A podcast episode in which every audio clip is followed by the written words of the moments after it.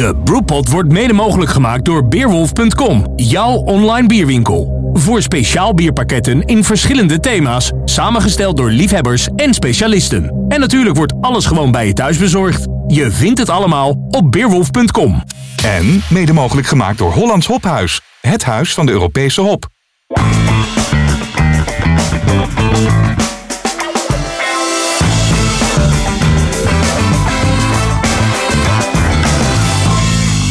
Dames en heren, welkom bij de Bierradio Brewpot, de podcast talkshow van bierradio.nl. Dit is een maandelijkse podcast, steeds vanuit een andere brouwerij in Nederland of België, met steeds twee hoofdgasten, de brouwer of brouwmeester van de betreffende brouwerij en een influencer, dat rot wordt. Eh, dat is vandaag ook een hele bijzondere man, die gaan we straks eens aan de tand voelen. We zijn te gast bij Sancti Adelberti Brouwerij Egmond. Eh, onze hoofdgast is eh, Albert Hofman, de brouwer van de, deze prachtige brouwerij. En we hebben Peter Henry Top, dat is een eh, een bierquiz-ontwikkelaar. eh, ontwikkelaar. Nou ja, we gaan straks alles aan vragen wat hij allemaal voor leuks doet in de bierwereld. Mijn naam is Fedor Vogel, uitgever, hoofdredacteur van Biermagazine, Brouwmagazine en Bierradio.nl. Mijn technicus vandaag is Joris van der Zalm van Q Creative, mede initia- initiatiefnemer van Bierradio.nl. En eh, ja, de vaste luisteraars weten het. We gaan eh, een uurtje opnemen met het laatste biernieuws. We gaan naar de hoofdgast toe, we gaan naar de influencer toe en we eindigen met het laatste rondje.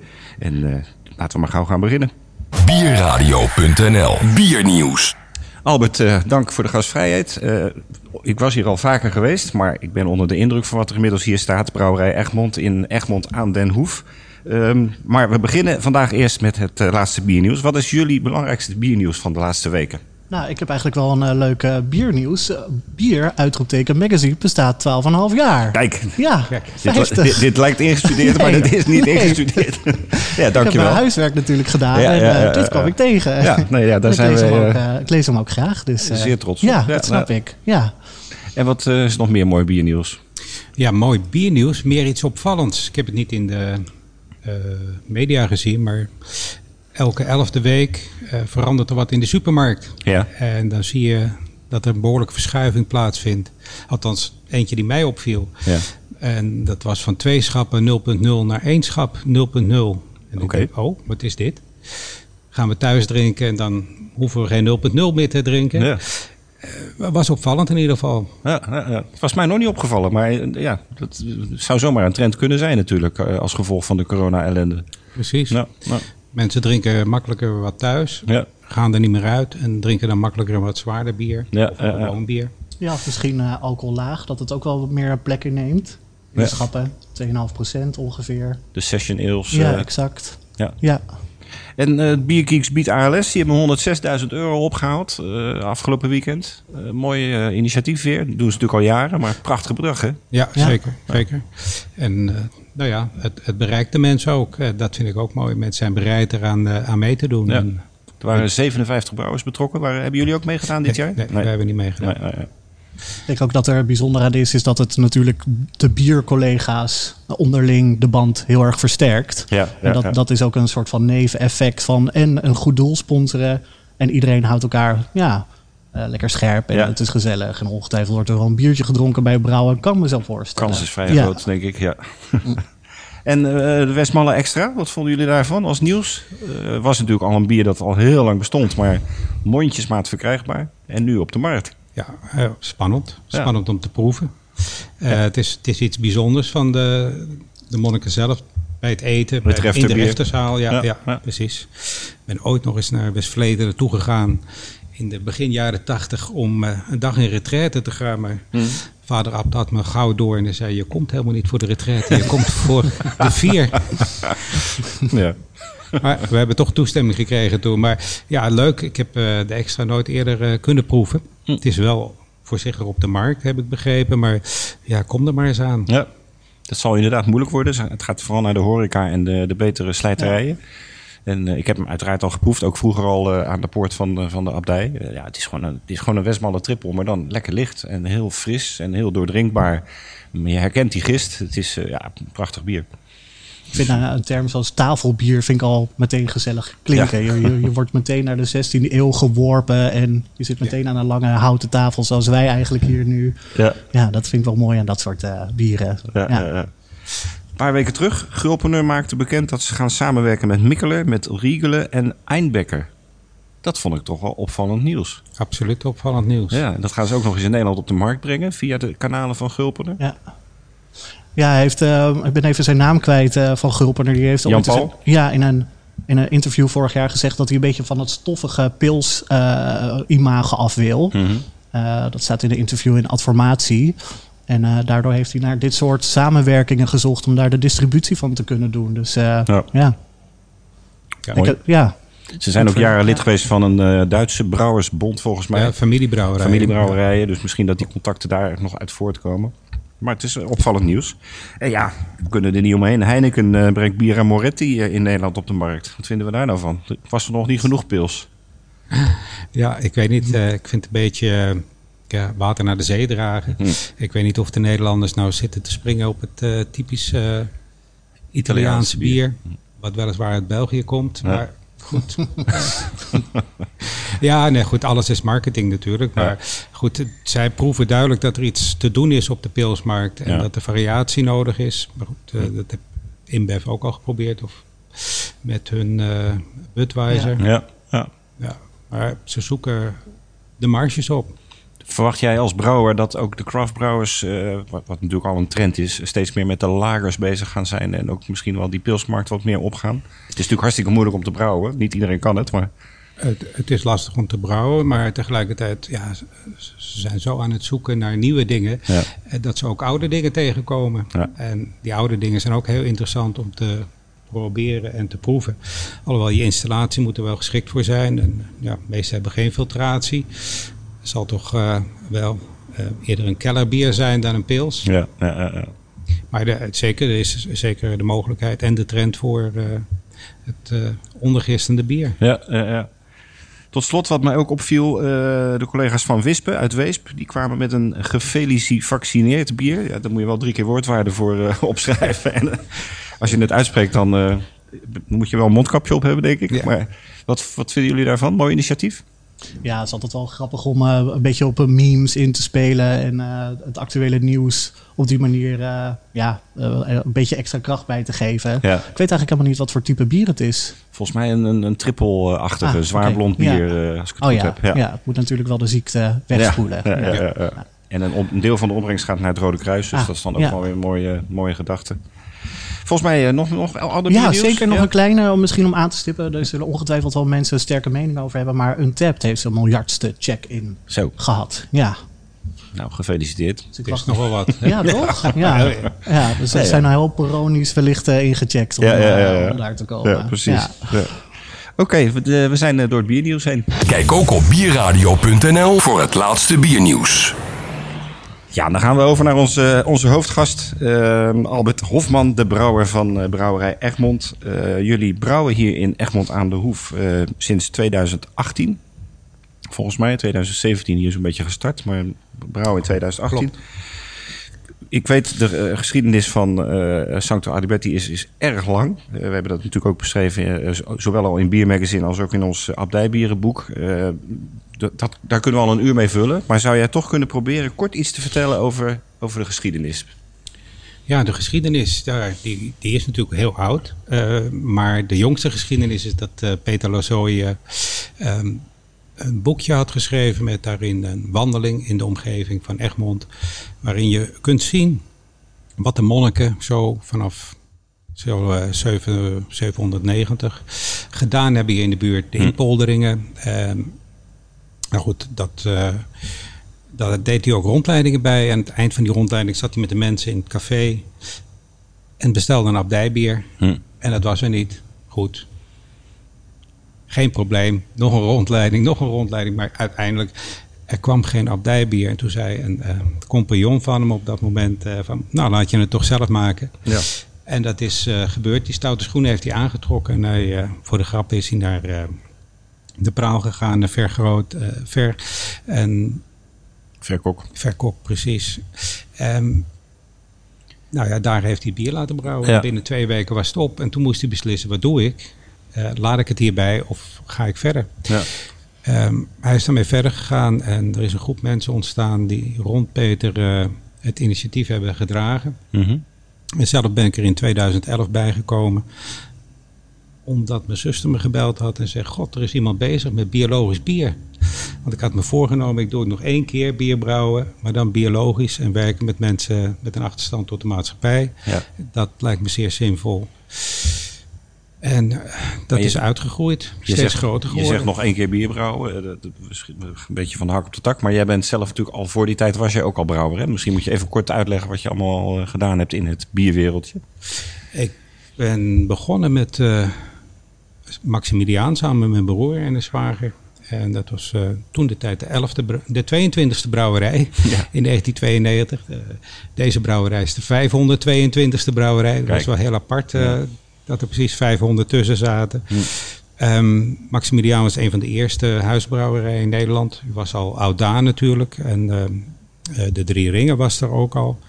We zaten midden in Amsterdam met prachtige ketels en een prachtig pand. Alleen eh, we liepen te ver voor de troepen uit. Hm. Werd s'avonds nog gebeld van meneer, uw bier is blind. Ja, we deden niks met bier. We maakten echt bier zoals bier bedoeld is, zullen we zeggen. Ja. Ongefilterd, ongepasteuriseerd. En we moesten ontzettend veel uitleggen over Kulsch, over Weizen, over trippels. En men was er niet gewend. En Nee, d- nee. dat was jammer, want de kosten waren erg hoog van Maximiliaan. Maar goed, ehm, na Maximiliaan heb ik eh, een tijdje in de zorg gewerkt. Mensen met een verstandelijke beperking. Hm. Totdat dit weer op mijn pad kwam. Ja. eh, wat ik vertelde over mijn zuster die belde. Van, nou ja, die wist dat ik het alleen nog maar biologisch wilde doen. Ja. En toen zijn we uiteindelijk in- gaan zoeken naar een mooi pand in de omgeving van de, de abdij zelf. Eh, Het liefst op het terrein van de abdij. Vader Abt wilde wel graag, was trouwens zoon van een brouwer. Hm. Daar lag het niet aan, maar de monniken zelf, die hadden meer, eh, ja, die zagen toch wel aankomen dat er eh, drinkgelag zou ontstaan bij het proeflokaal. En dat zagen zij op het terrein niet zo zitten. En dat vonden wij weer eh, heel jammer. We hebben eindeloos gezocht in de buurt, boerenschuren, waar LTO dan weer protest tegen aantekende. En uiteindelijk zijn we hier terechtgekomen in eh, 2017. Ja, nou, daar gaan we het zo zeker nog verder over hebben. Jij noemde Peter Lassoy. De man die eh, inderdaad ooit de inspiratie kreeg op de Adelbertusakker. eh, ongeveer vlak achter in zijn tuin, zeg maar. Een klein stukje verderop. Bij het Egmondse Duin. En dat eh, is de laatste rustplaats van de Engelse monnik Adelbert. En wat heeft dat met het bier en de abdij te maken? Eh, Adelbert was een van de twaalf monniken, zoals ik goed begrepen heb, waaronder Bonavatius ook, die vanuit Ierland eh, eh, Europa introk om de wereldbevolking te christenen, Hm. zoals dat heet. Ja. En Adelbert is inderdaad in Haarlem terechtgekomen, het huidige Egmond binnen. En heeft daar een goed leven geleid en is ook hier gestorven. Men heeft hem begraven in de duinen en vervolgens is zo'n 2 tot 300 jaar, ik ben geen geschiedkundige, maar is er een droom opgekomen bij een van de zusters in het klooster. En die zei dat we Adelbert eh, de gebeente opnieuw begraven moesten worden in het klooster. Ja, Wel, wel, dat geschiedde. En tijdens de opgraving welde er een bron op. De plek waar hij begraven heeft Ja. gelegen. En die bron die is er nog steeds. eh, op de Adelbertusakker. En er is nog een jaarlijkse processie. ja, ja, ja. En die bron eh, heeft Peter me eh, ooit verteld. eh, dat- dat water, een deel van dat water daaruit wordt ook gebruikt in jullie bier. Klopt. En nog, is dat nog steeds dat zo? doen we nog steeds, ja. Ja, mooi. Ja, en is dat ook goed water? Ja, het is mooi duinwater natuurlijk. Het is mooi duinwater, het is wel ijzerhoudend, zodat we het niet in zijn geheel kunnen gebruiken. Maar een, een homeopathische hoeveelheid zit in het brouwsel. Mhm, mooi, ja, prachtig. Eh, eh, nog één keer Peter Lassoy, want het is natuurlijk inderdaad de bezielende man achter het hele eh, concept van deze brouwerij. Volgens mij was dat Stichting de Wielenmaker of zo, waar dat toen uit voortgekomen is. En daaruit voort is de Stichting Brouwerij Egmond gekomen, of is dat pas later gekomen? Dat is pas later gekomen, ja. Eerst eh, is u daar eh, niet direct mee bezig geweest. nee. Eh, u had überhaupt geen idee dat er een brouwerij uit zou komen. Maar als je bier laat brouwen, heeft het een, een negatief effect. Laat ik zo zeggen, als je steeds meer verkoopt, moet je steeds meer bier inkopen. Ja. Maar je winst is niet groot genoeg om het volgende brouwsel te financieren. Dus Nee. als dat hard gaat, dan kom, moet je steeds bij de bank aankloppen. Liquiditeit heet dat, Ja, geloof ik. Ja. Precies. En als je daar niks aan doet, dan eh, groei je dood. Ja. Maar jullie, hebben- jullie hebben gelukkig wel voldoende liquide middelen, zeg maar. Uiteindelijk, nee, uiteindelijk zijn we natuurlijk begonnen om eh, het geld bij elkaar te zoeken om deze brouwerij te kunnen bouwen. Ja. Want dat was het alternatief. Of je gaat zelf brouwen, of je houdt ermee op. Ja, maar bier is ook een liquide middel bedoel ik. Maar oh dat, eh, ja, sorry. sorry. flauwe grap. Van de microfoon om. Eh, hoe sterk is de band met de abdij van Egmond vandaag de dag nog? Die is er zeker nog. Ze zijn ook aandeelhouder bij ons. Oké. Dus dat schept sowieso al een band. Ja, mooi. Die zien we twee keer per jaar, de aandeelhouders. En eh, voor de rest, ja, op het moment dat er eh, winst gemaakt wordt, dan krijgen zij een deel van de omzet. Ja, dat is dat eh, licentiegeld. Dat was inderdaad Ja. mijn volgende vraag. Van de, jullie dragen nog steeds licentie af eh, Ja, ja. aan de abdij. Ja, want we volgen de, de Belgische regels wat betreft abdijbier. Mhm. In Nederland bestaan er geen regels, dus eigenlijk kan iedereen daarmee aan de haal gaan. Maar we hebben dat eh, specifiek gedaan natuurlijk. Het eerste bier in 2009 noemde je al, werd ooit nog eh, bij de Praal gebrouwen in Amsterdam. Ehm, jij was er toen nog niet bij betrokken, zei je? Nee, 2011, nee, 2012. Ehm, en vanaf 2012 zijn jullie vanwege die enorme groei overgestapt naar de proefbrouwerij in Locristi. Hout. Geweldige professionele brouwerij. Wordt daar nu ook nog gebrouwen of gaat nu echt alles hier door de eigen ketels? Nee, alles gaat door de eigen ketels, Hm. klopt. Mooi. En eh, de proefbrouwerij, eh, daar hebben jullie wel jaren natuurlijk prachtige eh, bieren gebrouwen. En daarmee ook ja, kunnen groeien tot wat jullie nu zijn. Ja, dat heeft nou, van 2011 tot 2017 Hm. geduurd. En ja, toen we hier begonnen te brouwen, het grootste probleem was niet eh, bier brouwen. Maar we moesten precies nabrouwen wat Dirk Nouts in de Ja, ja, ja, proefbrouwerij ja. maakte. Dus dat was best een, eh, een opgave. Ja, ja, ja, ja. Ja. Het heeft eh, twee brouwsels geduurd die het net niet waren. En die zijn uiteindelijk allemaal naar Frankrijk vertrokken met een ander etiketje. Oké, ja.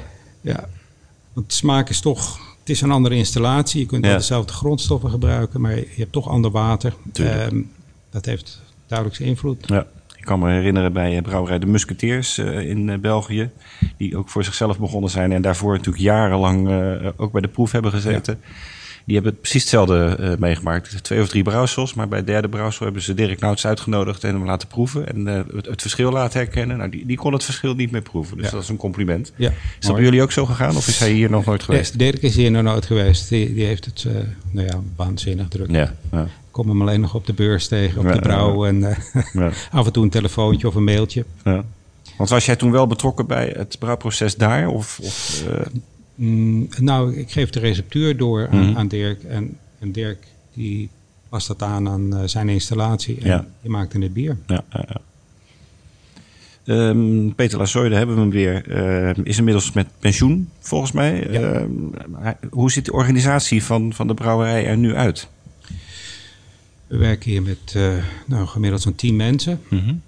Er is een eh, financieel directeur, een algemeen directeur en eh, twee brouwers. Ja, je zoon. Ja. Die zit hier ook aan tafel, heeft geen microfoon, maar hij zit erbij. Ehm, Opleiding Stibon eh Lentis brouwopleiding mee bezig, hoorde ik net. ja, heel leuk Ja. dat Sebastian daar eh, mee begonnen is. En geeft mij een beetje rust. Ja, Want één brouwen, bottelen en overal de zorg voor dragen terwijl je groeit, dat is te groot eh, risico voor een bedrijf. Dus Ja.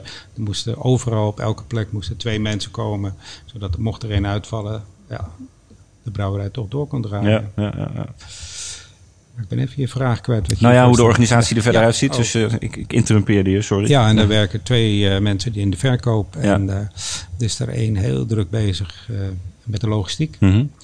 En dan hebben we Jamie nog, die eh, hier het proeflokaal eh, runt. Mhm. En eh, nou ja, als ze er weer zijn, de bierproeverijen en de, de festivals natuurlijk. Ja, Nou ja, en- en Dennis die zorgt voor de logistiek en het IT-gebeuren. Een aardige organisatie. En Ja. zijn allemaal fulltime krachten? Nee, het zijn niet allemaal fulltime krachten. Dus we werken iets, geloof ik, met zes FTE op Hmm. dit moment. Mooi. Eh, en, en Peter is zelf helemaal buiten beeld? Of, eh, Peter is eh, in zoverre buiten beeld dat hij regelmatig hier komt om Ja. een doos trippel te halen. Kijk. En eh, nee, daarnaast begeleidt hij ook eh, een jonge vormgeefster. Mhm. En zorgt hij eigenlijk nog voor de, de vormgeving van de, de advertenties en de, de etiketten. Ja. Alles waar hij echt goed in is. Ja, ja, mooi. Eh, jullie hebben voor de financiering destijds al eh, eh, gezocht naar investeerders. Volgens mij zijn er tien aandeelhouders, klopt dat? Nou, het zijn er net iets meer. Meer? Ja. En, maar het zal niet veel schelen, ik denk 14. En ook nog een aantal leninggevers. Ja. En daarnaast hebben jullie natuurlijk ook de obligaties. Een soort crowdfunding-achtige. Ja, dat is een crowdfunding-achtige methode Ja. om toch extra financiering binnen te krijgen. En Ja. Ik denk dat we zo op de 600 Zo.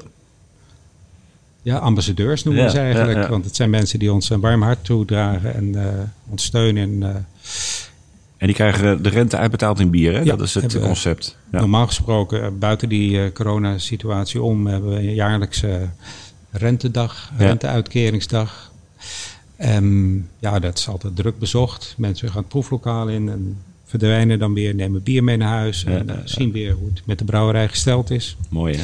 Ja. Ja, En die kort- betalen 100 euro, geloof ik. En, Ja, en nou ja, 8% rente. Ja. Wat vind je dat er tegenwoordig nog? Ik zag je precies. zoon, eh, je zoon op de achtergrond smakelijk lachen terwijl je dat vertelde. Die was eh, vorig jaar bij zijn laatste herinnering nog gebleven, denk ik. Van het bier uitkeren. dat klinkt wel eh, goed. Ja, ja, precies. En, en Peter Lassoy is volgens mij een van de aandeelhouders nog wel, hè? Ja, je- ja, ja. Dus die is op die manier nog wel eh, betrokken. Eh, dan eh, even iets over de techniek. Eh, de brouwerij is volgens mij van Italiaanse makelij, als ik het goed Klopt. heb. Kun je er iets meer over vertellen? Hoe dat, het ziet er allemaal zeer indrukwekkend en spik en span uit. Ja, nou ja, zijn een levensmiddelenbedrijf, Ja. dus eh, als zodanig dien je het ook te behandelen. Ja. Nee, het is een Italiaanse installatie die eh, eh, gemaakt is door Impiantinox.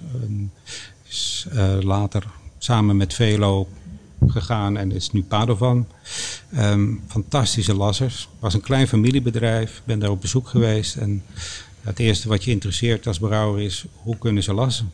Wat Ja. is het vak? Ja. Verstaan ze hun vak? Ehm, dat zag er allemaal fantastisch uit. En daarnaast het Italiaanse design, eh, daar viel ik ook over. Vond het fantastisch. Ja. En de derde stap die je doet is dan de elektronica-kast opentrekken en eh, zien wat daarin zit. Ja. Zodat je dat ook hier in de omgeving eh, kunt aanschaffen. Ja. Nou, ja. Je kunt ook zeggen van eh, we gaan naar het oosten toe, we gaan naar China. Een stuk goedkoper. Hm. Maar collega's zeiden op een gegeven moment van we moeten de installatie automatiseren. Dus full automatic. Ja. Ik zei ja toe, ik ben een ambachtsman, Ja, ja, doe dat liever met de hand. Ja. Maar ze zeiden we, we werken hier ook straks met mensen met een afstand tot de maatschappij. En ja, die moet je ook af en toe begeleiden. En dan ben je en aan het brouwen en de, aan het begeleiden. Het is een stuk makkelijker als die kwaliteit gewaarborgd wordt door constant hetzelfde te doen. Ja. En daar had ik natuurlijk geen weerwoord op. Daar hadden ze volledig gelijk in. Ja. En dat is tegelijkertijd de derde reden. Die automatisering, als je dat in het oosten laat doen. Nou, mijn Chinees is niet zo best. Nee. En hun Engels ook over het algemeen niet. Nee. Maar als wij aan het brouwen zijn, dan zijn zij aan het slapen. Dus als je een probleem hebt met je automatisering, die Italianen die zijn met twee minuten ook online Ja. en die grijpen in. En dat gaat met eh, andere tijdzones, wordt het natuurlijk een stuk lastiger. Alle waar naar zijn geld eh, is Ja. dat eh, geld dan weer. Ja. Ja, En hoeveel kunnen jullie brouwen met deze installatie? Ehm, we kunnen twee tot drie keer per dag een brouwsel maken, maar de capaciteit zit natuurlijk in de gistlagertanks Mhm. Ja. en die ligt bij de 3000 hectoliter. Dat is behoorlijk wat. Ja, dat is een aardig plasje. Ja. En wat brouwen jullie eh, op jaarbasis? Ehm, vorig jaar zaten we op de 2000 hectoliter en we hopen dit jaar naar de 24, 2500 eh, door te Zo. stomen. Ja. Serieus. Ja, het is, het is wel werken, ja. Hm. Mooi. Ehm, ja, nu moeten we toch zeker ook het eh, hele onderwerp circulair brouwen gaan, eh, gaan aansnijden. Daar kan jij volgens mij ook een uur mee vullen. Je hebt nog ongeveer een eh, kwartiertje. maar ik weet dat dat jouw passie is. Ehm, people, planet, profit. Eh, leg eens uit. Ehm, jullie brouwen ook volledig biologisch bijvoorbeeld. Wat, wat is jullie filosofie in dat circulair brouwen? Nou ja, die drie P's, dat, daar staat het dus voor. We moeten als mensen ons eh, absoluut zorg maken over onze medemensen, maar ook op de planeet waar we op leven. En nou ja, we merken met de dag, als je het nieuws volgt, dat het gewoon niet goed gaat. Hm. Dus vandaar die drie P's. Ehm, het initiatief om alleen maar biologisch te, te doen is natuurlijk een problematische. Want kom maar aan de goede grondstoffen. Je maakt het jezelf niet makkelijk. Maar tegelijkertijd is het veel bevredigender om op deze manier bezig te zijn. En Ja. dat biertje wat je drinkt, dan weet je dat de bodem er een stuk beter van wordt. Ja, Ehm, En dan krijgen jullie ook dat skal, uh, Ja, we hebben een certificaat, voor. Hè? Dat is een biologisch... eh, We zijn biologisch, maar we zijn niet alleen biologisch. We zijn ook als enige in Nederland eh Demeter gecertificeerd. We brouwen voor een, eh, een loonbrouwer uit België, Mhm. Al. Die wil bescheiden of zijn bieren Demeter hebben. En dus er is nog zwaardere keuring. Die hebben we er ook op zitten. En we maken dus twee bieren voor hem van de Demeter kwaliteit. Zo. Ja, dat, het is extra. Je betaalt extra voor je keuringen. Ehm, je maakt het jezelf, zo gezegd, niet makkelijk erdoor, maar daar sta je voor. Het is gewoon van belang dat de landbouw de mogelijkheid krijgt ook om biologisch te telen. En dat ondersteun je. Het is Ja. maar een klein beetje. Wat bestellen we? 50, 60 ton op jaarbasis. Eh, het is een druppel op de gloeiende plaat, eh, bij wijze van spreken. Maar ergens moet je beginnen. Ergens Ja. moet je het initiatief nemen. En ik kan me voorstellen dat eh, de, de, paters uit de abdij dit ook wel mooie initiatieven vinden. Ja, absoluut. eh, ondersteunen dat met veel liefde. Ja, eh, het sociale aspect vinden ze ook zeer. Hm. Vandaar dat ze ook aandeelhouder zijn geworden. Ja, en volgens mij doen jullie ook iets met, met geiten. De bostel die gaat naar de klompenhoeven. Ja, de borstel gaat naar de klompenhoeven. Vertel daar eens wat meer over. Nou ja, dat, normaal gaat het naar koeien toe. Maar in dit geval, omdat het zo dichtbij zat, eh, de biologische geitenhouderij, de klompenhoeven, hebben we de vraag gesteld: kunnen jullie de borstel niet eh, verwerken met de geiten? Ja. Nou, dat ging erg moeizaam. De geiten vonden er eigenlijk niks aan. Arme geiten. Arme geiten, ja. Nou, ze zijn toen heel handig geweest en hebben een klein beetje melasse toegevoegd. Zoetstof aan de, de bierborstel, waardoor het eh, wel geconsumeerd werd. Zo doen we dat ook met onze jonge kinderen, toch? Hè? Dan, eh, Een beetje stroop over de spruitjes. Ja, ja, nou, dat is het idee. Ja. Uiteindelijk eh, gebruiken ze het nu al jaren zonder melassen. Want het is gewoon afgebouwd. En ze staan te springen voor de bierborstel. Nou, het is een melkveehouderij, dus van die melk wordt kaas gemaakt. En die kaas die ruilen wij tegen onze bierborstel. Mooi. Dus zij krijgen... Jullie hebben je eigen Sancti Adalberti kaas eigenlijk dus? Of, eh, nee, het is niet? eigen kaas. Nee, nee, Nee, nee, nee. daarvoor hebben we te weinig om. We hebben iets van vijf, zes kazen hoog uit eh, in Oh, de oké. week. Ja, jullie verhandelen ze niet. Het is echt alleen voor in het proeflokaal. Nee, we hebben het wel geprobeerd, maar dan, ja, je hebt het gezien. We zitten hier toch op een eh, niet zo'n algemeen toegankelijk punt. Hm. Dus de omzet in de casus, dat hem, eh, Dat ging hem niet worden. Nee, Nee. nee, nee. nee. Nee, maar het is wel leuk dat je op die manier je product kunt laten proeven bij, bij een proeverij of bij de rondleiding. Ja. Dan komt het kaasje mooi terug bij de bieren. En nou, ze maken verschillende kazen, harde geitenkazen. Ook met kruiden en het smaakt fantastisch. Dan is het cirkeltje letterlijk ook weer rond. eh. Ja. En mm, vertel nog eens iets meer over de mensen met een eh, achterstand tot de arbeidsmarkt. Eh, wat voor mensen hebben jullie hier en wat doen ze? Wa- Waar kun je ze inzetten? Het zijn mensen die, ja, goed, of te veel drukte niet kunnen ervaren, Mhm. of op andere manier eh, niet meekomen in een normale arbeidsverhouding en meer tijd nodig hebben voor hun werkzaamheden. Nou, dat is eh, hier rustig aan. Eh, bij het inpakken bijvoorbeeld. Hm. Als de bieren in de warme kamer zijn geweest, worden ze daarna ingepakt. Ehm, daar zijn ze bezig. Maar ze helpen ook bij het bottelen. Hm. Het opzetten van de flessen. En, en daarna nog veel meer hand- en spandiensten. Ook eh, bij, de, bij de horeca kunnen ze werken in het proeflokaal. Maar we zijn daar nog startend in. Hm. Want het is nogal redelijk ad hoc als je een brouwerij begint. De dingen gaan nogal ja, heen en weer Ja, veranderend. En, en mensen met een eh, autistische achtergrond bijvoorbeeld vinden dat heel Die lastig. kunnen daar niet zo goed tegen. Nee, dus dat is nog echt zoeken van de juiste mensen op de juiste plek ook weer neer te zetten. Ja. Mooi hoor, klinkt goed. We hebben het nog amper over het bier gehad. Dus daar gaan we eens even verandering in brengen. Wat, wat zijn eh, de vaste bieren in jullie eh, assortiment? Ik ken er natuurlijk een aantal, maar even voor de luisteraars.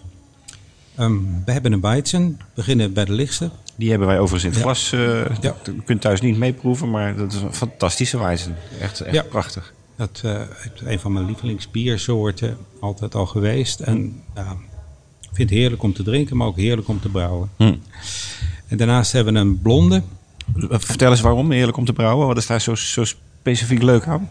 omdat je weet waar het eh, eindresultaat naartoe gaat. ja, dat is, maar dat zou ik dan met elk bier hebben eigenlijk. Ja, nou, dit heeft toch wel iets meer Ja. zijn voorkeur. ja, maar mooi. Ja, eh, nee, tarwebieren zijn altijd wat lastig dan eh, vol gersten brouwen eh, Ja. bieren.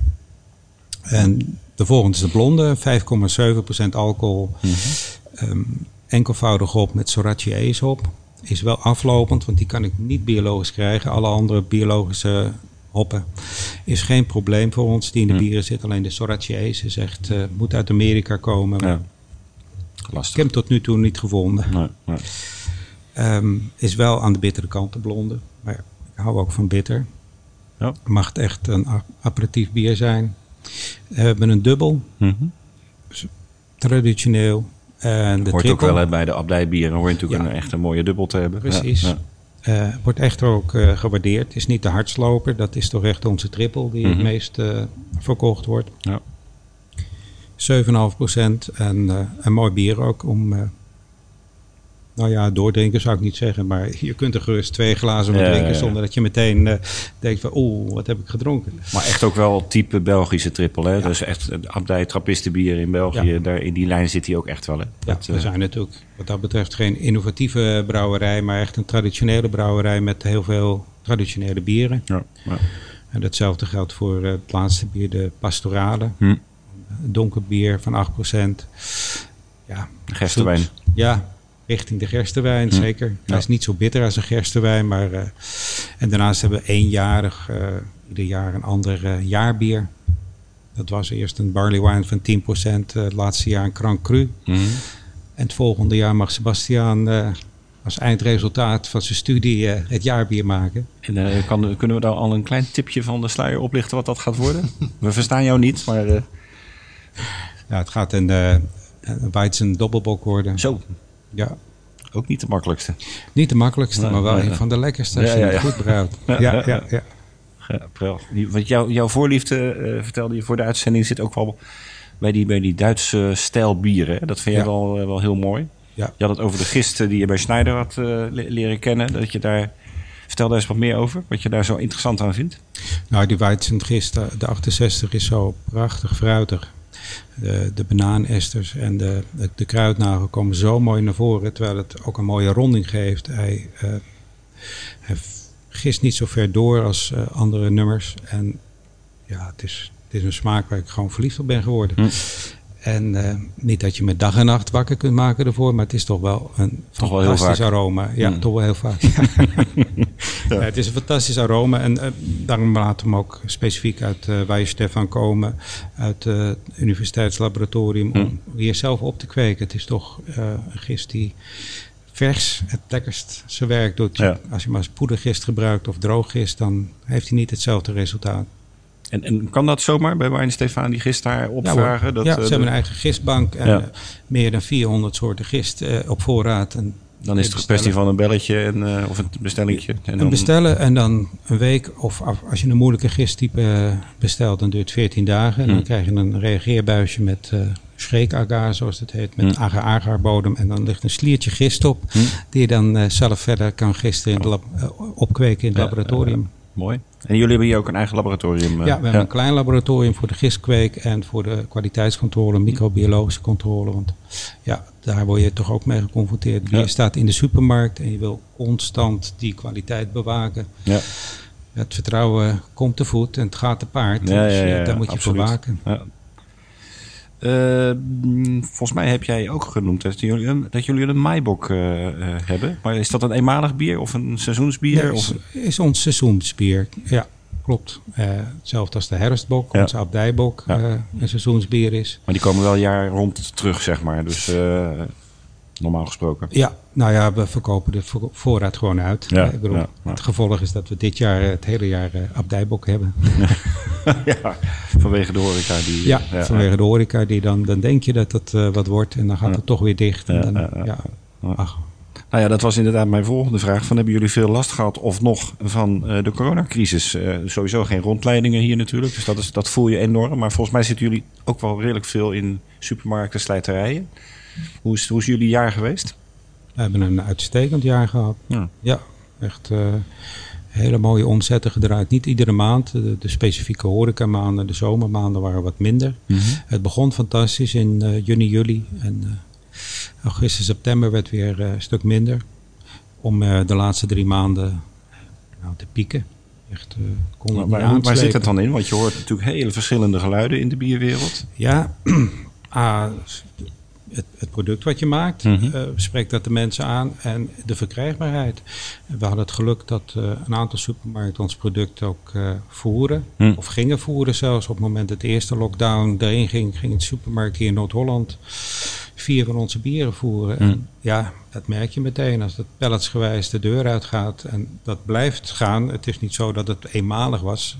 Gewoon iedere vier, vijf weken kwam Hm. weer die bestelling binnen. Dus Dat is lekker. ja, dat Ja. is zeker lekker. Ja. En eh, doen jullie ook aan export? Want ik kan me voorstellen, eh, België zijn ze natuurlijk gek op abdij- en trappistenbieren. Gaan, gaan jullie bieren bijvoorbeeld ook naar Belgische Nee. horecazaken? Ja, nu niet. Nee, maar... nu niet. Nou, ik zie wel op Ontep dat het bij de De Hazen in Antwerpen te koop is. Maar via Albert Heijn dan waarschijnlijk. Of, Ja. ik denk dat het op die manier gaat. Maar je weet het gewoon niet. Je gaat, bier gaat met de grote handen weg. En je ziet het op Ontep dan oppoppen van... oh, het is daar verkrijgbaar en daar verkrijgbaar. Dat is wel heel leuk om, eh, Te volgen. te zien. Ja, Ja. Maar voor de rest, eh, ja, de, de normale groothandels eh, halen het bier op. Hm. En horeca zit denk ik vooral hier regionaal. Ja. Vooral rondom Egmond, Ja. regionaal. En dat ligt natuurlijk allemaal stil, maar dat heb je dus goed kunnen compenseren met, met de supermarkten. En, eh, Ja, ja. en de vraag die nam maar toe. Hm. Tot slot, wat zijn eh, de ambities voor de komende jaren met Brouwerij Egmond? Vooral heel veel lekker bier maken natuurlijk. En eh, je visie uitdragen dat het biologisch moet. En zorg moeten dragen voor de aarde waar we op leven. Ja. ja. Ja, En hoe lang wil jij nog door? Want je zoon die staat al te trappelen natuurlijk. Wat, eh, Ja, wat, is, wat is jouw voorland, zeg maar, qua... oh, ik denk dat ik hier nog wel een jaartje of vier, vijf eh, bezig ben. Maar Ja. steeds minder eh, het actieve brouwen doe. En steeds meer de kwaliteitscontrole ja, ja, ja. tot me neemde. Dus ja, goed, als je ermee begint, eh, je hebt geen idee hoe groot het gaat worden, maar ook hoeveel controle en, en borging je eigenlijk moet hebben Ja. om je product steeds weer van kwaliteit te voorzien. En, en daar ligt nog een heleboel werk voor ons te doen. Bedoel, voor de SCAL, die is al streng om dat te registreren en de douane, maar de microbiologie en je kwaliteitswaarborging, maar ook je veiligheidswaarborging. Nou, Komt er heel veel bij kijken. Ja, komt om het heel veel eh, goed bij te doen. kijken, Ja. Ja. Nou, ik wens jullie daar heel veel succes mee. Bedankt voor het prachtige verhaal. En nogmaals voor de gastvrijheid en de prachtige bieren. Op zoek naar meer bierinspiratie? Tientallen achtergrondartikelen over bier en de verhalen achter de mooiste brouwerijen. Je vindt het allemaal op beerwolf.com.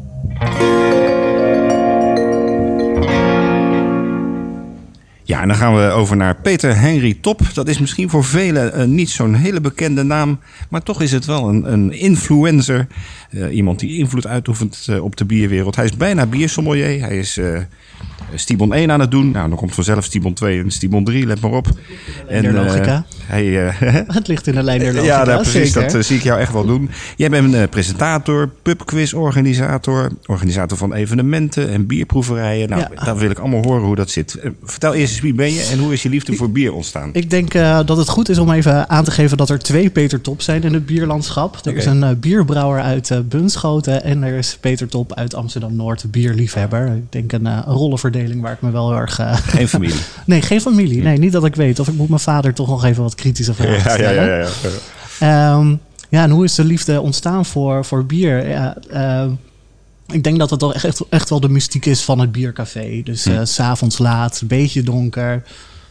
Het geluid staat net iets te hard, de muziek staat te hard. En je bent aan het praten met een goede vriend. En ergens in de achtergrond heb je dat bulderende gelach van een man... die samen met zijn vrienden een goede avond heeft. En een Ja, stelletje ja, aan de bar. ja. Nou, misschien eh, ben je er al wel een beetje. Ja, ja Maar, nee, eh, dat daar is heel herkenbaar. Ja. Heel erg in, eh, in verloren, inderdaad. Ja.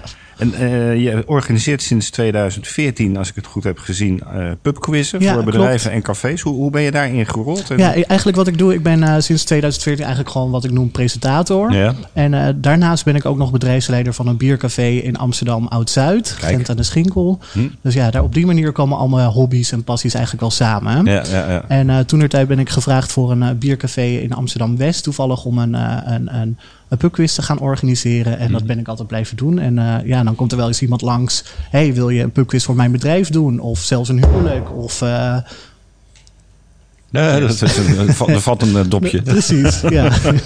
Wat in deze omgeving dan ineens een heel theatraal effect heeft. Maar Dat is eh, het, dus mooie, goed. het mooie van live radio. Precies, en het goede nieuws is dat er meer bier komt. Dus, Precies, precies. ja.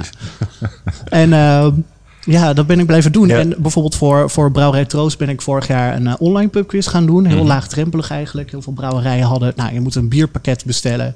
Eh, en dan kun je meedoen. Dat had Brouwerij Troost eigenlijk ook een beetje op mijn aangeven niet gedaan. Nee, En daardoor eh, deden er af en toe meer dan 200 teams mee. zo. Ja, En nog even terug naar dat presentator zijn. Ja. Eh, dat, dat komt eigenlijk niet uit het bier eh, voort. Nee, dat is gewoon, eh, jij vindt het leuk om te presenteren. Zeker. En ja. het is een beetje bijvangst. Dus in die pubquiz merk ik gewoon heel erg naar bedrijven toe. Die willen niet altijd met een team uitje, als het normaal is, quote unquote, eh, als bedrijfsuitje met elkaar door de modder rollen of een, een, een klimmuur opstormen. Die willen gewoon ook wat anders doen. Dus een pubquiz is best wel een goede methode daarvoor. Maar een bierproeverij is daar ook in heel erg leuk ja, ja, ja, en leerzaam. Absoluut. Ja. Ja. Ja, ja. Ja, je noemt Brouwerij Troostal. Je, eh, als ik het goed heb gezien, heb je daarvoor de Schrale Troost pubquiz ontwikkeld.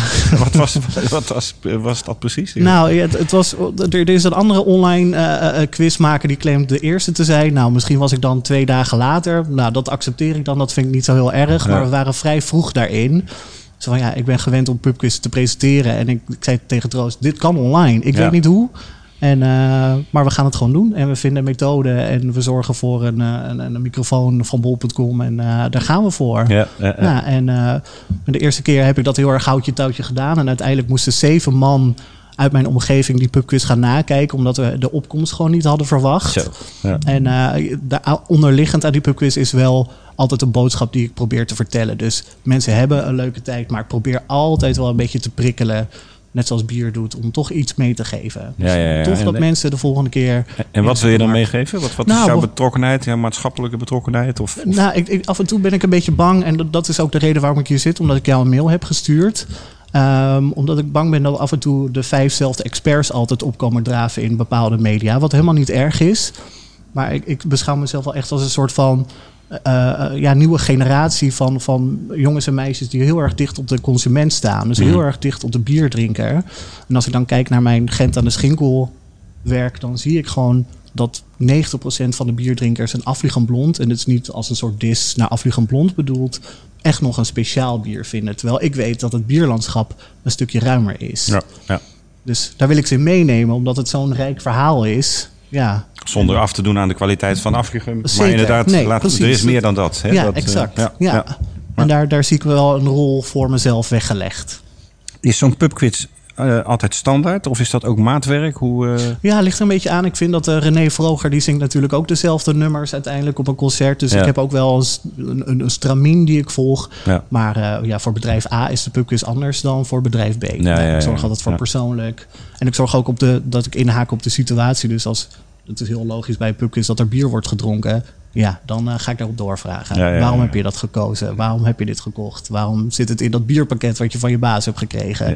Het zijn altijd wel aanleidingen. Ja, Om ze een beetje uit de tent te lokken. precies. En eh, ja, je, je gaf het al aan, eh, sinds de corona-ellende doe je het vooral online. Ja. En je doet dat op Twitch, zag Ja, ik. Een soort. YouTube-platform. Ja, exact. Ja. Waarom heb je daar specifiek voor gekozen? Dat was vooral heel erg handig voor Brouwerij Troost, omdat het inderdaad een, een, een live platform is eh, voor online, eh, van oudsher online gaming. Mhm. Dus eigenlijk als ik mijn Super Mario zou willen spelen voor een publiek, ja, daar is een publiek voor die naar eh, gamers wil kijken. Ja, het is raar maar waar. En ik doe het ook ter ontspanning. Dan ga ik naar Age of Empires 2 kijken hoe professionele eh, spelers dat doen. Ja. En dan voel ik toch een beetje dat ik daar ook dat aan het doen ben. Ja, ja, ja. Maar sinds de coronacrisis weten ook DJ's, eh, eh, kunstenaars, muzikanten en dus ook presentatoren hun weg daar naar te vinden. Ja, dus effectief, je meldt je aan, fake account, leuke naam, let's go. ja. Een soort Microsoft Teams, maar dan anders. Maar dan, ja. Ja.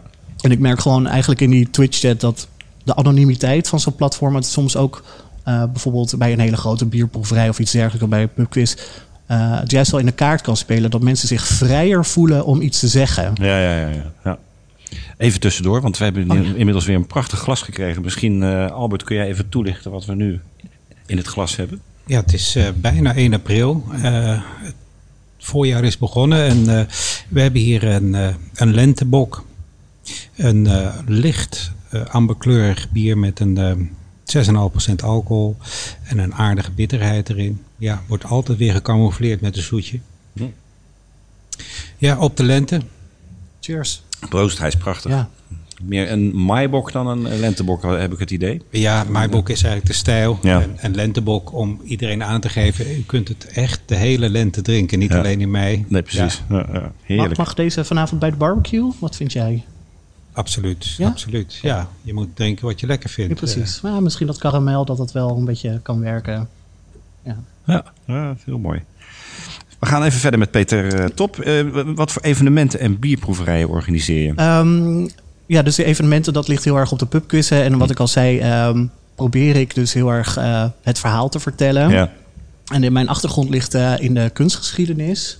En ik merkte eigenlijk daar al dat mensen het heel erg prettig vinden om met mij of met andere kunsthistorici de, de musea in te gaan. ja. Dat wij gewoon een paar hele makkelijke ground rules hebben. En bijvoorbeeld voor een museum denk ik dat dat ook heel erg geldt voor bierdrinkers of mensen die daar het zelfvertrouwen nog in missen. Van in een museum, we gaan niet alles zien. Je mag dingen stom vinden en realiseer het is van mensen door, eh, door mensen voor mensen gebrouwen. Ja, Of eh, gemaakt, dan in ja. kunst. En dan, nou ja, dan ben ik meteen al de vertaalslag voor bier aan het maken. En dat, Ja. ja. dat neem ik dan heel erg mee. En eigenlijk mijn missie is om het zelfvertrouwen van de bierdrinker te vergroten. Dus bijvoorbeeld als ik een, een medewerker heb in mijn rol als ehm, een bedrijfsleider, die is bijvoorbeeld 17, nou, die zonder heel veel te hebben geproefd, want dat mag hij eigenlijk helemaal niet, moet zo'n arm meisje toch naar een tafel toe en iets gaan aanraden. Eh, een van mijn methodes, en dat, dat doe ik dan ook in bierproeverijen, is om gewoon eerst te zeggen van, nou, je bent al 17, je proeft al 17 jaar. Als je na 17 jaar geen pro bent, dan ben je nooit meer. Dus Ja, ja. eerst even dat zelfvertrouwen eh, vergroten. En eh begon ook al voor de show, zei, had ik al de grap gemaakt, ik ben een falend mens. En dat geef ik ook graag aan in een bierproeverijen met name. Zo van, ik ben onlangs in die Stiepon-cursus nog echt vreselijk de mist in gegaan. Ik had een, eh, een, bier blind geproefd. En ergens iets in het citrus gaf mij een, een, een soort van warp naar toen ik 16 was in België. Ik was daar op dat schoolreisje. En dat heeft me niet meer losgelaten. En toen ineens gingen andere mensen uit de groep vertellen van... ja, het was bitter en grapefruit. En ineens doemde bij me op. Het was geen Belgisch blond. Het was gewoon een, een session IPA-achtig. Maar Ja. iets in dat bier had me zo gevangen. Ja, Ja, ja. en dat, dat durf ik ook aan te geven. Ja. Kwets, eh, kwetsbaar opstellen. Ja, precies. Ja, en dan geef je mensen ook de ruimte om, eh, om dat weer te resoneren. Je geeft aan Stibon, hè? je wil eh biersommelier worden. Dat heeft dan ook een reden dat je eigenlijk nog met nog meer kennis Ja. ja, die, die proeverijen kunt organiseren, maar ook advies kunt geven aan horeca mensen.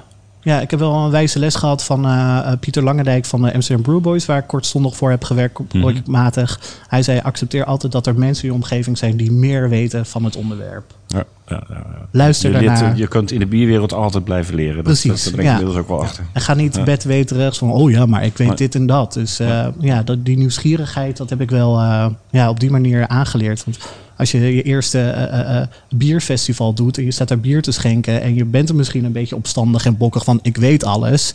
ja, dan kun je best wel een lange middag hebben. Ja, ja. klopt. Ja. En je hebt ook voor brouwerijen gewerkt. Troost Ja, noem je al. Ja.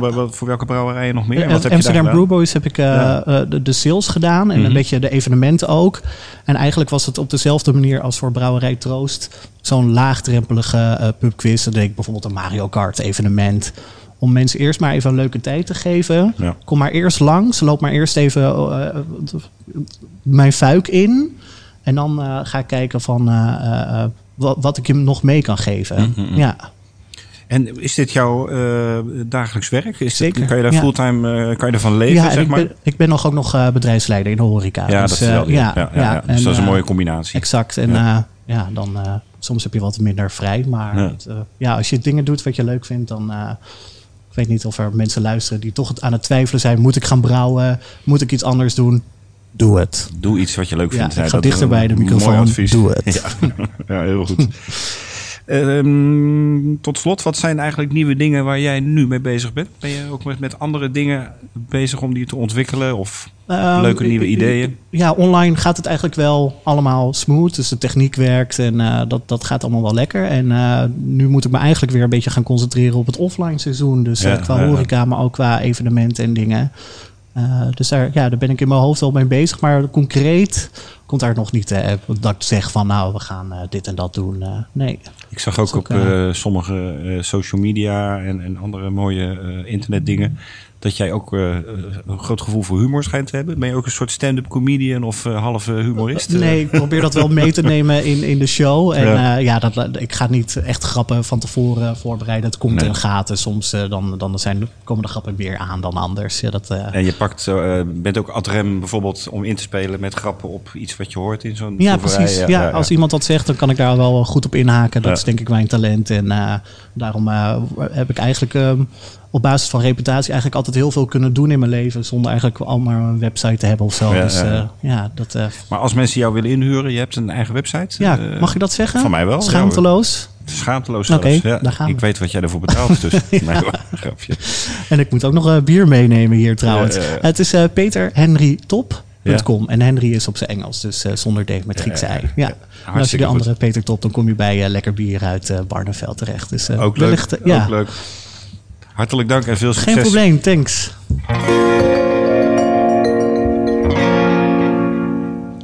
Ja, we zijn al bijna weer aan het einde van dit uurtje Bierradio Brewpot eh, aangekomen. Maar zoals altijd gaan we ook nog even een aantal eh, ja, wat ludieke vragen eh, over en weer doen. Eh, laatste rondjes, zoals we dat noemen. Albert, wat is het belangrijkste nieuws waar jullie nu mee bezig zijn? Overval je me even mee?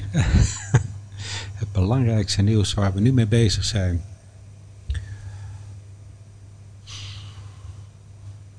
Nou, daar ben ik even stil van. Sorry. Nou, dan ga ik eerst naar jou. Wat is, eh, Peter, wat vind jij de beste ontwikkeling op biergebied in Nederland? Ehm, jam, jam, jam, jam. Ehm, ik, ik zie, we hadden het al even over Aflichem. En dit is ook een abdijbier wat ik nu aan het drinken ben. Ik denk dat er een soort herwaardering voor Belgisch bier Klassieke stijlen. Ja, klassieke stijlen. Ja. En ehm, ik denk als de cafés in mijn regio van Amsterdam open gaan, dat, dat er heel veel cafés dan een oorval op de kaart hadden. Misschien drie jaar geleden dat niet per se hadden. Ze zijn ook Eh, schaars, hè? Dus het is niet zo makkelijk om ze overal... eh, Nee, Nee, nee, nee dus eh, misschien dat mensen het al aan het verzamelen Ja, zijn. Maar ja. wie weet, misschien Ja. de oorval niet het beste, maar wel in ieder geval die klassieke stijlen die terugkomen. Ja, dat is zeker een trend. Dat eh, Ja. herken ik ook wel. Inmiddels weet Albert wat het belangrijkste nieuws is waar ze mee bezig zijn. Nou, we zijn druk bezig natuurlijk met de voorbereiding om de capaciteit uit te breiden. Ja, Dat, eh, dat ligt voor de hand.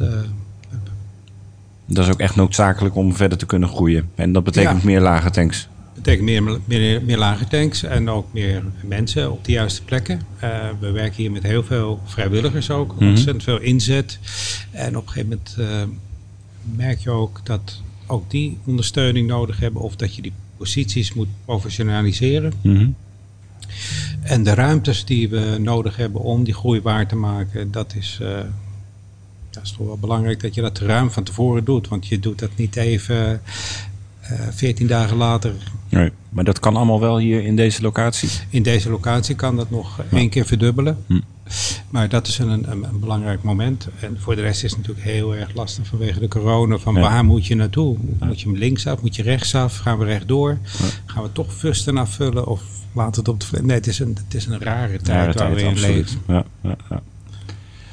De eh, volgende vraag, Albert, aan jou. Eh, welke brouwer of brouwster verdient volgens jou meer aandacht of is onderbelicht in, eh, in Nederland of België?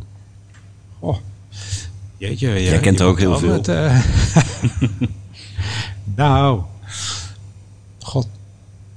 Jullie hadden het net al even over de Orval. Ik vind eh, zo'n bier als bij Orval wordt eh, gebrouwen toch echt heel bijzonder. Ja.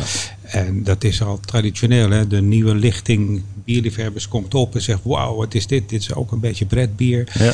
Maar het is er al jaren. We drinken het al jaren. Ja, en het is zo leuk dat die cirkel dan weer rond is. En de nieuwe generatie het opnieuw ontdekt. En ja, dat is ja, bijzonder om dat even aan te tippen. Van de smaak herhaalt zich. De nieuwe Ja. lading, de nieuwe generatie Ja. pakt het op. En, en ziet het ook als een heel mooi bier. En een vrouwelijke brouwster, hè? Bij uh, Ja. Orval, bij de trappisten notabene. Ja, Dus dat, eh, ja, dat is ook ja, eigenlijk een heel bijzonder verhaal. ja, Ja. ja, ja. Peter, wat is jouw favoriete bierspijscombinatie? Oeh, ja, ik had het al even over de barbecue eh, die misschien her en der aangaat in de achtertuin. Het is ook het seizoen van witte asperges. Hmm. Wit bier, Weizen. Net iets te vol. Nee hoor, Weizen Ja? is eh, bij asperge. Ja, nee, goed. De, Ja. de lichte variant dan. Ja. Niet de, de amberkleurige Nee, maar de lichtere variant Ja. die Ja. bij de Weizen eh, mooi aansluit. Heel mooi. Nou, goed, Ja. eh, goed plan. Toch? Ja. Ja. Wanneer gaan we? Ja. Albert, welke bieren drink jij zelf het liefst? Behalve natuurlijk je eigen bieren. Ja, het hangt een beetje van de tijd van de dag af. Dat is bij mij wel heel erg bepalend. Nou, laten we beginnen. S morgens, we staan op. Ja, we staan op, dan denk ik van, jee, wat heb ik gisteren gedronken? Nee, het is bij, bij proefheren meestal rond een uur of elf als het even mee zit, de bieren. Maar het is niet drinken, maar Echt eh, kwaliteit. eh, als ik dorst heb, toch altijd het liefst uh, Weizenbier. Ja. echt. eh, ook omdat die hopwerking dan wat minder is. En gaan we richting de vijf uur, dan eh, toch een liefst een, eh, een blond bier, een mooi pilsner. Goed gehopt. Waar vind je ze nog? Ja, het Gulpener maakt nog een hele mooie. ja, ja, ja, ja. Ehm, Brand had vroeger een hele mooie Up 52. Ja, ja, ja. Zelf stond er nog achter. Maar ook al die bieren zijn zo afgezakt in hun bitterheid. Uh, Ja. Rietborgen, idem dito. Maar goed, het zijn wel heerlijke bieren om eh, voordat je gaat eten de smaak te prikkelen en absoluut. de eetlust op te wekken. Pilsner ook wel. Ja, en dan ja, het liefst afsluiten met een, eh, ja, of een Weizenbok of een eh trappist toch Hm.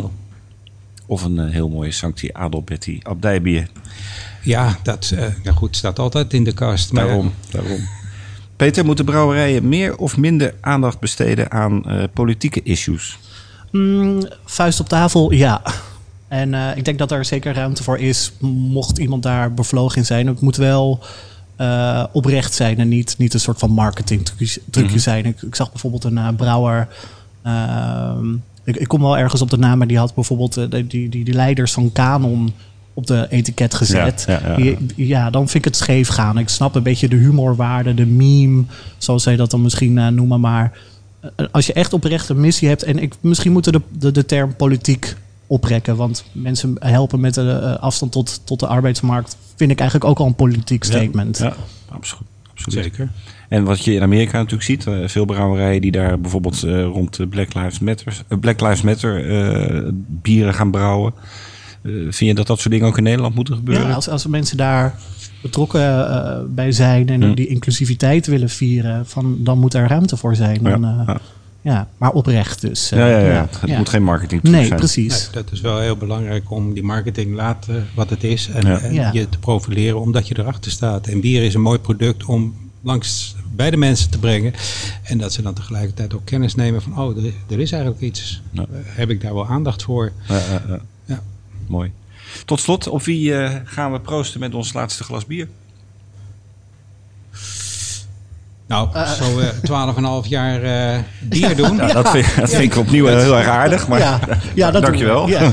maar, eh, en, en wie nog meer? Eh, ik waardeer het enorm natuurlijk, uiteraard. Maar Mm, misschien eh, als we het dan toch over de inclusiviteit hebben, de vrouw in de bierwereld. Misschien dat die nog een beetje onderbelicht is. Hm.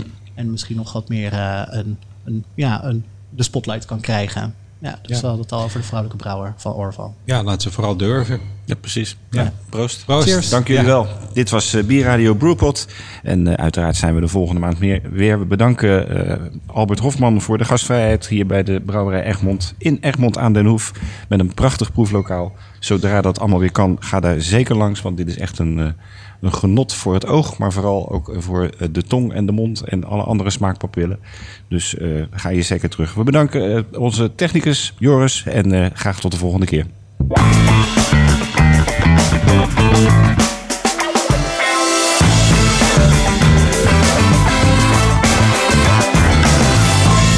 De Brewpot werd mede mogelijk gemaakt door Beerwolf.com, jouw online bierwinkel. Drink jij je bier het liefst van de tap? Dan is er nu de Sub Thuistap. Met een wisselend aanbod bier. Van pils en blond tot Weizen en IPA. En natuurlijk wordt alles gewoon bij je thuis bezorgd. Je vindt het allemaal op Beerwolf.com. En mede mogelijk gemaakt door Hollands Hophuis. Het huis van de Europese hop.